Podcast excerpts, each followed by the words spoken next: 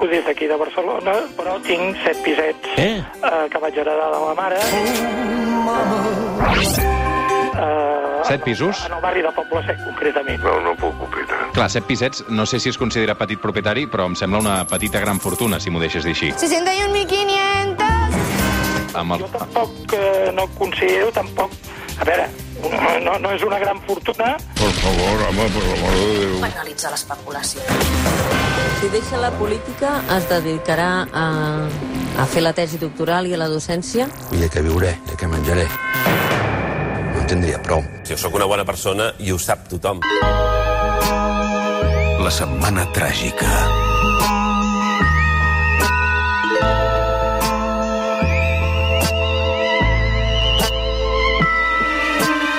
Som al suplement, som a Catalunya Ràdio cada diumenge. A aquesta hora connectem amb la setmana tràgica amb el Lion Sindreu, eh, periodista columnista del Wall Street Journal. Lion, què tal? Bon dia.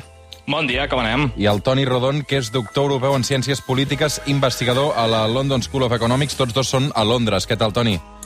Bon dia, bona hora, com estem? A Catalunya estem de desconfinament comarcal. Vosaltres esteu tancats i barrats, suposo, eh? Sí, sí, sí, encara sí. Però, però escolta, escapa, ja, ja he reservat pap jo, eh? El dia 12 d'abril ja, ja tinc lloc. Ah, sí? Sí, sí, que escolta, s'està omplint això com una mala cosa Sí. i s'ha de córrer. Em diuen que no hi ha, no hi ha llocs ja. O sigui, que, o, sigui, però, eh, o sigui, el 12 d'abril és el dia que desconfinen i tornen a obrir els pubs. Sí, sí, a partir Ah. del 12 d'abril tornen, eh, comença la primera fase de desconfinament, que en principi n'ha de tenir 4 o 5, i hi ha corredisses nacionals per eh, fer-se lloc eh, a les terrasses, eh, perquè dins no, no podrem entrar. No m'estranya. I, escolta, una ja mica, reserva. Una mica com el que ha passat aquest cap de setmana a Catalunya, que hi ha hagut una, una desbandada general. Uh, una pregunta, vosaltres quan marxàveu de cap de setmana, si és que encara ho fèieu en temps immemorials, uh, els diumenges quan us tornava quan us tocava tornar, uh, éreu, éreu uh, els que els diumenges a les 10 del matí ja teníeu el maleter del cotxe preparat, o amb els vostres pares, allò que, que l'operació tornava ho fèieu molt d'hora molt d'hora? Sí, sí, sí. Nosaltres, eh, quan som la meva família, som coneguts perquè si ens convides a, a les 11 o a les 10, nosaltres hi som dues hores abans ja. Ah. Per tant, eh, intentem fer-ho abans, tot plegat. Jo és que no, no he marxat mai de cap de setmana. És, és una infància complicada, Ion. No, no, és veritat. Tothom, tothom tenia poble, però jo no tenia poble. Jo estava a casa meva, vull dir, no, no teníem lloc on anar. Uh, per tant, uh, no, no, jo no he marxat mai de cap de No, setmana. però amb aquest fenomen que diu el Toni, no sé si fa més ràbia la gent que arriba dues hores abans o la gent que arriba dues hores més tard, eh? Vull dir que... Home, la gent que arriba tard, per favor. Sí, sí. Jo- no, no. Avui, sí precisament tinc- avui que parlem de multes, eh, jo posaria Sí. una multa a la gent que arriba més de 5 minuts tard. Penses, Capa, que jo una vegada tenia una nòvia eh, i jo odio que la gent arribi tard i al cap d'un quart d'hora eh, no havia vingut i vaig marxar. I em va fotre una bronca espectacular. Després li vaig dir, escolta, has arribat tard, eh, per tant, jo no m'he d'esperar aquí necessàriament més de 15 minuts. I així va acabar la relació, eh? Sí, no va anar massa bé. Explicant una anècdota a la ràdio un diumenge al matí. Vull dir, veig que, vull dir que no, no, no sé si ens deu estar escoltant, en qualsevol cas. Bé, avui, com avançava el Toni Rodon eh, i el Ion Sindreu, avui parlarem de multes. Anava en direcció cap aquí. I ell ha avisat que hi havia el control aquest. El mòbil eh, acaba sent un factor d'accident, de distracció. Gent bevent dintre d'una ampolla de Nestí i resulta ser que no és Nestí. Tota la nostra motivació és per reduir l'accidentalitat. Avui a la Setmana Tràgica, les multes. Quin rol tenen, per què es posen, quan es posen, com canvien en funció del país, com i quan es paguen? En parlem amb el Lion Sindreu i el, i el Toni Rodon. No sé si sabeu vosaltres que es diu que els gossos eh, els has de renyar només quan els enganxes infraganti amb la conducta que vols corregir. Però que, per exemple, si un gos es fa pipí a casa durant el dia i tu arribes al vespre o a la nit i el renyes, el gos ja no ho relaciona ni, ni entén res del que ha passat perquè no va, no vehicula la bronca al, al pipí que s'ha fet a deshora. Amb una multa de trànsit que t'arriba dos mesos més tard, no sé si passa el mateix. Ostres, jo m'he perdut ja amb el gos, el pipí, ja no... no, no. No, no m'has entès? No, no entès res. A veure, o sigui, a veure, tu... Deu ser, ah, deu ser la, al matí, eh? no, però no. t'ho- explico, t'ho explico. No, no, no. És a dir, tu tens un gos a casa, d'acord? Que estàs Sí, educant sí, a poc sí, a sí. poc. I al, al matí el gos el deixes sol una estona i es fa un pipí. I tu no el veus Sí, fins al sí. cap de dues hores. Aleshores, quan tu renyes el gos, escolta'm, no t'has de fer pipí al sofà... Això no ho has de fer, eh? Ah, no, No, clar, això, sí, això, això, No, No, no, no, això, això és, és una tècnica incorrecta de- d'ensinistrar gossos, eh? Sí, el, el és- gos és el que de estic- és- immediatament quan Ah, fa el, és- el sí. fet. És el que estic dient exactament jo, perquè si tu el renyes a posteriori, el gos ja no Sí. entén que la bronca ve pel pipí que s'ha fet fa 3 hores abans. Exacte, exacte. Aleshores, sí, sí. jo ara el paral·lelisme... Ara, ara entenc per on vas, Ara Escapa. És que, entenc. clar, tens, és, ets allò, és intel·lectualment complex. Molt Llavors, bé. clar, de- has d'apreciar-ho amb totes les seves facetes. Aleshores, la pregunta és, amb una multa de trànsit que tu et multen però no te n'assabentes fins al cap de dos mesos quan t'arriba la recepta, no sé si ens passa una mica igual que els gossos. Home, el gos no paga, perquè a mi això, això a ma mare li va passar, que va, li van arribar multes de trànsit acumulades d'un any, i bé, ga- gairebé ens arruïnem. Sí. Toni. Sí, a, a veure, eh, un, eh, un dels grans objectius de, de les multes és, en el fons, la, la persuasió, no? Uh, per tant, és un dels objectius fonamentals, és a dir, no només penalitzar a, la gent que ha rebut la multa perquè, uh, diguéssim, no torni a cometre el fet que, que ha comès, sinó també tenen allò que se'n diu, o, o busquen una externalitat positiva cap a la resta de persones, no? És a dir, si jo escapa, mm, et veig a tu, uh, o tu m'expliques que t'han posat o que has de pagar 1.000 euros de multes acumulades per anar ràpid en alguna zona de la ronda de dalt, doncs jo eh, em prendré nota i no, i no ho faré més. No? Mhm. Per tant, tenen un efecte directe i després aquest efecte indirecte cap a altres persones doncs, perquè corregeixin, en certa manera, el seu comportament. Rodon, això de les multes, i anant també una mica a, a l'esperit històric, eh, és una cosa de, dels nostres temps o ens hem de remuntar centenars de, de milers d'anys i, i amb què ho podem comparar?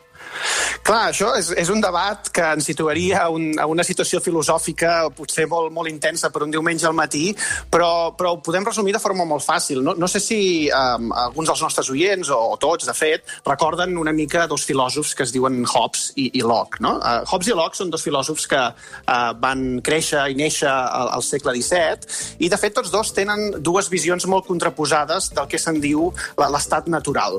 Què és l'estat natural? L'estat natural és aquesta idea no, de com érem els humans, els éssers humans, abans que ens convertíssim en, en, en humans governats per institucions. I aquí hi ha dues visions. No? Hi ha la visió de Locke, que ens diu quan l'Homo sapiens va sortir, per dir-ho d'alguna manera, tot eren petons, abraçades, flors i violes, eh, i, i per tant el poder, l'Estat, que té un poder de coerció, només sortia amb el consentiment.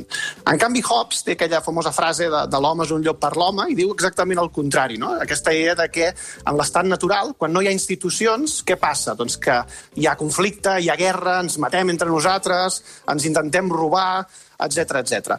La qüestió és qui, qui té raó. Hm?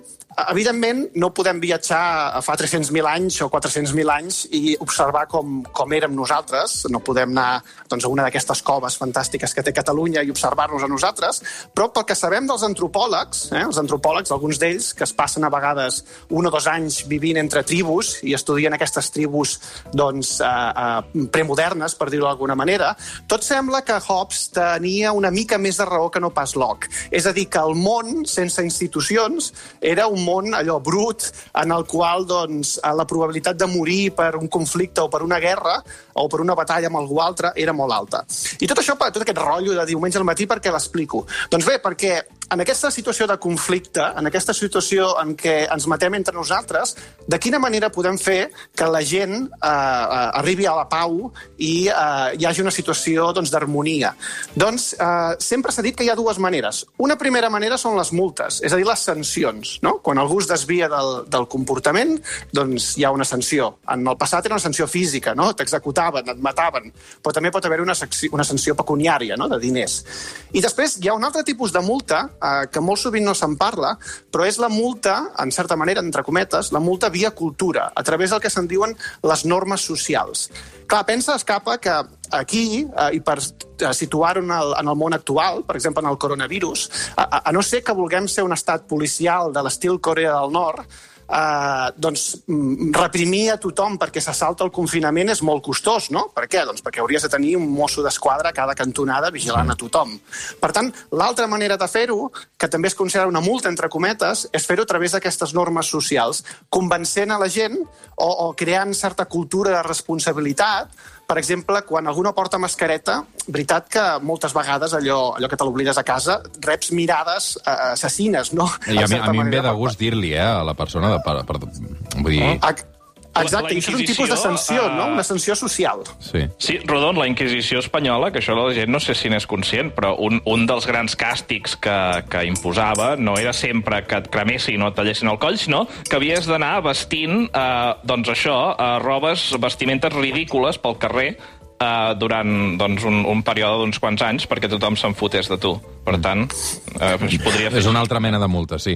Ah, Sí, o els fills, els fills bastards, no? Pensem, eh, els fills bastards no tenen cap culpa de ser un fill bastard, allò, un fill de fora del matrimoni, i tot i així eh, patien l'estigma social durant anys, durant molts anys. Per tant, aquesta idea de sanció social, que no és ben bé una multa física o de, o de diners, també pot, pot tenir la part positiva, que crea harmonia o, en certa manera, estructura la societat, però, evidentment, també té la, té la seva part negativa, perquè, clar, pobres fills bastards havien de, de carregar la motxilla durant molts anys. El que passa és que si parlem de la, de la multa econòmica, sí que hi ha una característica que jo crec que és rellevant, Ion, i és que, a diferència de molts impostos, les multes no són progressives. És a dir, tu pagues el mateix, siguis ric o siguis pobre, per saltar-te un semàfor, no?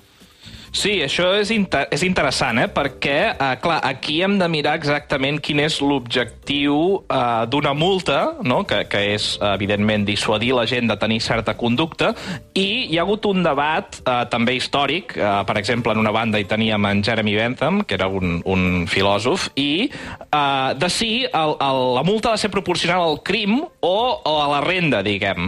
Eh, històricament, eh, sempre en el món de l'economia doncs, eh, no s'ha considerat massa la renda. De fet, eh, jo he estat mirant eh, qui seria no, el, el, el que ha construït el model econòmic, eh, el model matemàtic, no, que en economia descriu a quin nivell s'han de posar les multes i com, i com passa sovint en aquesta secció, he acabat eh, novament amb l'economista de l'Escola de Chicago, en Gary Becker, a qui sempre doncs, eh, no, li, li fot una mica de canya, eh, i eh, famosament eh, ell, ell va, va proposar no? un model per dir a com hem de posar les multes. Llavors, ell, ell explicava, diu, posem que el Roger Escapa no? té una bicicleta que per ell eh, té un valor de 100 euros i el Toni i jo li volem robar aquesta bicicleta, no? Te la volem robar perquè som uns desaprensius. Um, el que passa és que a mi, com, com també tothom sap, no m'agrada fer esport i llavors per mi la bicicleta només té un valor de 50 euros, mentre que el Toni, que li agrada fer aquestes coses de rutes i això, té un valor de 150 euros. Per tant, eh, recordem, eh? Uh, per tu Escapa té un valor de 100, per mi de 50 i pel Toni de 150. Um, a més a més, s'ha de considerar que si te la robem, trucaràs als Mossos d'Esquadra i posem que els hi costa uns 10 euros en hores de feina recuperar la bici, no? perquè tots sabem que els Mossos sempre recuperen les bicis. Llavors, El que passa és que el, el barem econòmic que estàs fent, amb, una, amb 100 euros no tens ni el seient de la bici i amb 10 euros el mosso d'esquadra no et despenja ni el telèfon. Eh, Però, endavant. m'agrada posar números rodons, eh, perquè la gent... eh, D'acord, fem-ho fàcil, sí, sí, fem-ho fàcil. volem. Uh, I llavors la Becker diu, on posem la multa? Doncs sumem els 100 euros que, amb pel qual tu valores la bici i els 10 euros que costa uh, a la policia uh, perdre el temps per recuperar-la. Llavors diu, la multa ha de ser 110 euros, no? perquè això internalitza el cost per la societat de que uh, la bici uh, es robi. Um, clar, Uh, això fa que jo, que només la valoro en 50, no tingui incentius per robar-la, però el Toni, que recordem, la valora en 150 i segueix guanyant 40 euros, encara que l'enganxin. Per tant, el que diu Gary Becker és, és, és socialment positiu deixar que gent com el Toni Rodon, uh, que és un miserable allà de bicicletes, segueixi robant, se, segueixi robant bicicletes. Ell, ell diu, ell, ell, ell el que deia és cal desincentivar el robatori ineficient, que és el meu, perquè jo realment no valoro la teva bicicleta, i incentivar el robatori eficient, que és el del Toni Rodon, a qui li agrada tantíssim aquesta bicicleta, que fins i tot si la roba, socialment tots hi guanyem. Clar, això ja es veu que són els típics arguments no, de, dels economistes neoclàssics que només fa un robot, no? o algú que està una mica tocat del bolet. Uh, per començar, si al Toni li agrada aquesta bicicleta tant més que tu, escapa, te la podria comprar. I això ja ens estalviaria els costos de trucar als Mossos d'Esquadra. Però és que, a més, el problema addicional, i aquí tornem a la pregunta inicial, no? és que, evidentment, una multa de 110 euros no és el mateix pel Toni Rodon, que té molts diners, que per mi, Uh, que, que no en tinc, o sobretot per tu, Escapa, que tots sabem que com a locutor de ràdio doncs estàs folrat. Llavors, clar... Compte-hi. Uh, com passa sovint, no? Uh, dir que deixar que la gent que atribueix un valor superior als béns t'ho robi tot i dir que això és socialment òptim, acaba sent un argument perquè els rics poguessin anar pel carrer no? i robant tot el que els dona la gana o saltant-se els semàfors. I, de fet, hi ha economistes que sí que diu, fan aquest argument que diuen que si un ric se salta el semàfor i paga la multa, ja està bé perquè vol dir que aquest ric deu ser un cirurgià eh, per qui saltar-se els semàfors doncs, eh, té, és molt important i socialment positiu. Llavors, clar, això és una bestiesa. Um, i ens arriba la pregunta de què fem, no? Una alternativa serà posar, seria posar multes tan altes per tot que fins i tot els rics doncs, els dissuadeixi de fer aquests comportaments odiosos. Um, el problema és que llavors arruïnaries a molta gent Clar. que és pobra clar, i això socialment doncs, seria molt negatiu. I a més a més, si ar arriba un moment en què si per una multa de tràfic t'arruïnen o per saltar-te, per trepitjar la gespa d'un parc t'arruïnen, eh, doncs també és un deixa de ser un desincentiu, perquè llavors ja total, si, si acabo a la presó o acabo arruïnat per tot, doncs ja faig el que em dóna la gana. Eh, llavors, aquí és on arribem al concepte de multa progressiva, que és el que tu deies, no? Eh, que un ric pagui un percentatge eh, del que guanya. I això, de fet, existeix. És una cosa que se'n diu eh, sistema de dies multa. I això no sé si ho sabeu, però consta l'article 50 del Codi Penal espanyol, i són multes que estan basades en el nombre de dies dels teus ingressos. Per tant, eh, el jutge diu, eh, no, condemnem al Rodon a, a pagar 50 dies d'ingressos uh, i ell paga 50 dies del que ell cobraria i, i si em condemna a mi, doncs pago 50 dies del que jo cobraria. Um, aquí només s'aplica per certs delictes greus, és una mica l'alternativa a la presó, però a països escandinaus, uh, que és d'on ve tot això, de fet s'aplica molt extensament i a Finlàndia i a Suïssa, que són dos països on es fa molt, uh, tenim notícies, per exemple, d'un senyor, uh, doncs no fa tant a Finlàndia, a qui li van cobrar 58.000 euros eh, per una multa de velocitat. Perquè, clar, era un senyor que tenia molts calés, i de fet... I devia anar molt ràpid, diploma... eh? Devia anar molt ràpid. I a Suïssa, un uh, diplomàtic uh, que també tenia molts calés, uh, que conduïa un Ferrari, per tant, deduïm que encara anava més de pressa, uh, li van cobrar 290.000 euros. Carai. Per tant, uh, és una cosa que es fa i que té sentit. El problema quin és? No? És que em sembla molt bé, m'està semblant molt bé. no? Sí, no, no. A veure, a, a nivell conceptual, i jo crec que a nivell de teoria econòmica, tot el que digui Gary Becker té molt sentit. El problema quin és? És, el, és logístic. Vull dir, si has de fer pagar alguna petita quantitat, mm -hmm. és molt difícil posar-se a mesurar els seus ingressos, no? I ens, ens podríem trobar, i això sempre passa, en molts casos, per exemple, que les dades d'ingressos que fan servir són les de la declaració de renda de l'any passat, posem un exemple, uh, i aquestes poden ser enganyoses. Uh, si és una persona que treballa per contractes concrets i un any cobra molt i l'altre no cobra gaire, si resulta que ha perdut la feina, uh, si resulta que uh, ha perdut la feina i ara en té una que, que, no, que fa pagar molt menys, uh, clar, tot això uh, és molt difícil de mesurar i et pots trobar en molts casos en què la multa acaba sent injusta i tot i que potser a nivell global sigui més justa, uh, podries arruïnar molta gent, no? I això uh, és, és una mica perillós. I a més a més, tots sabem que els merders administratius eh, doncs es produeixen quan augmentes la complexitat. Per tant, eh, per resumir, en general bona idea, però és veritat que per petites multes, eh, doncs si no pagues el tíquet dels ferrocarrils, per exemple, és costós no? per, per l'Estat i per la, pel govern doncs, posar-se a mirar exactament quan cobro jo i quan cobra el Rodon. A veure, Toni, per al·lusions i aprofitant també perquè el Guion Sindreu begui aigua eh, després d'aquesta intervenció. Endavant, Toni. Sí, a veure, primera il·lusió ràpid. Uh, si una bici val 100 euros, jo no te la robaria, eh, escapa, perquè té pinta de no ser una bici massa bona. Però bé, dit, dit això, això que diu el, el Nyon té tota, la, té tota la raó. De fet, um, molts dels nostres oients ara mateix poden estar a la carretera i uh, espero que no, però potser veuen passar un cotxe molt ràpid al, al seu costat, uh, avançant-los, no? La primera reacció és aquesta idea de, oh, és que té un cotxe molt bo, el motor és molt, és molt important i, per tant, no pot, evitar, pot anar a no molta pot velocitat. Evitar ràpid, sí. I, sí, i, sí. això, i, i això és, un, i això és una, evidentment un, una conseqüència, un argument lògic, però l'altre argument és, escolta, va ràpid perquè si li posen una multa li és igual, no? Per tant, si no hi ha una multa proporcional, eh, doncs no, no actuarà com a... No, no disminuirà la seva velocitat. En tot cas, això de les multes, l'evidència que tenim eh, de la recerca que s'ha fet és que eh, les multes funcionen, però no, no són del tot... Eh, no són suficients. Necessites alguna altra cosa. De fet, la pròpia economia, en els últim, les últimes dècades, de fet, ha patit una evolució i, um, um, sobretot a partir dels anys 80, el que s'està estudiant és alguna cosa que es diuen els nudges, que uh, en traducció uh, en català seria alguna cosa així com les empentes o la, o la motivació, no? que són totes aquestes intervencions que no són multes, però que et recorden que estàs fent alguna cosa incorrecta. La més famosa, escapa, i de fet eh, no és a propòsit, perquè normalment s'acostuma a posar aquest exemple, és, té, té a veure amb el pipí, eh? avui que estàvem parlant de, de miccions, i eh, es va fer en un aeroport d'Amsterdam, eh, que segurament, escapa, tu en algun moment has anat allò a, a buidar abans d'agafar l'avió i has anat a aquests orinals que estan drets, no? i has vist una mosca en, el, Sí. en aquests orinals drets. No? Has d'apuntar. Doncs, uh, sí, eh, que has d'apuntar. Doncs, doncs això es considera aquesta intervenció petita, hm? Que, eh, com que apuntes, la idea és que no et poso una multa perquè no fas un merder, per dir-ho d'alguna manera, mm. però sí que t'estic donant un incentiu doncs, perquè compleixis amb el cas de complir, que és doncs, no fer un merder en, a- en, el, en el lavabo. No? Per tant, eh, en certa manera, el que sabem ara és que no sabem ben bé com, perquè encara no hem arribat en alguns àmbits eh, Ep, hem perdut... Millor el- Ah, sí.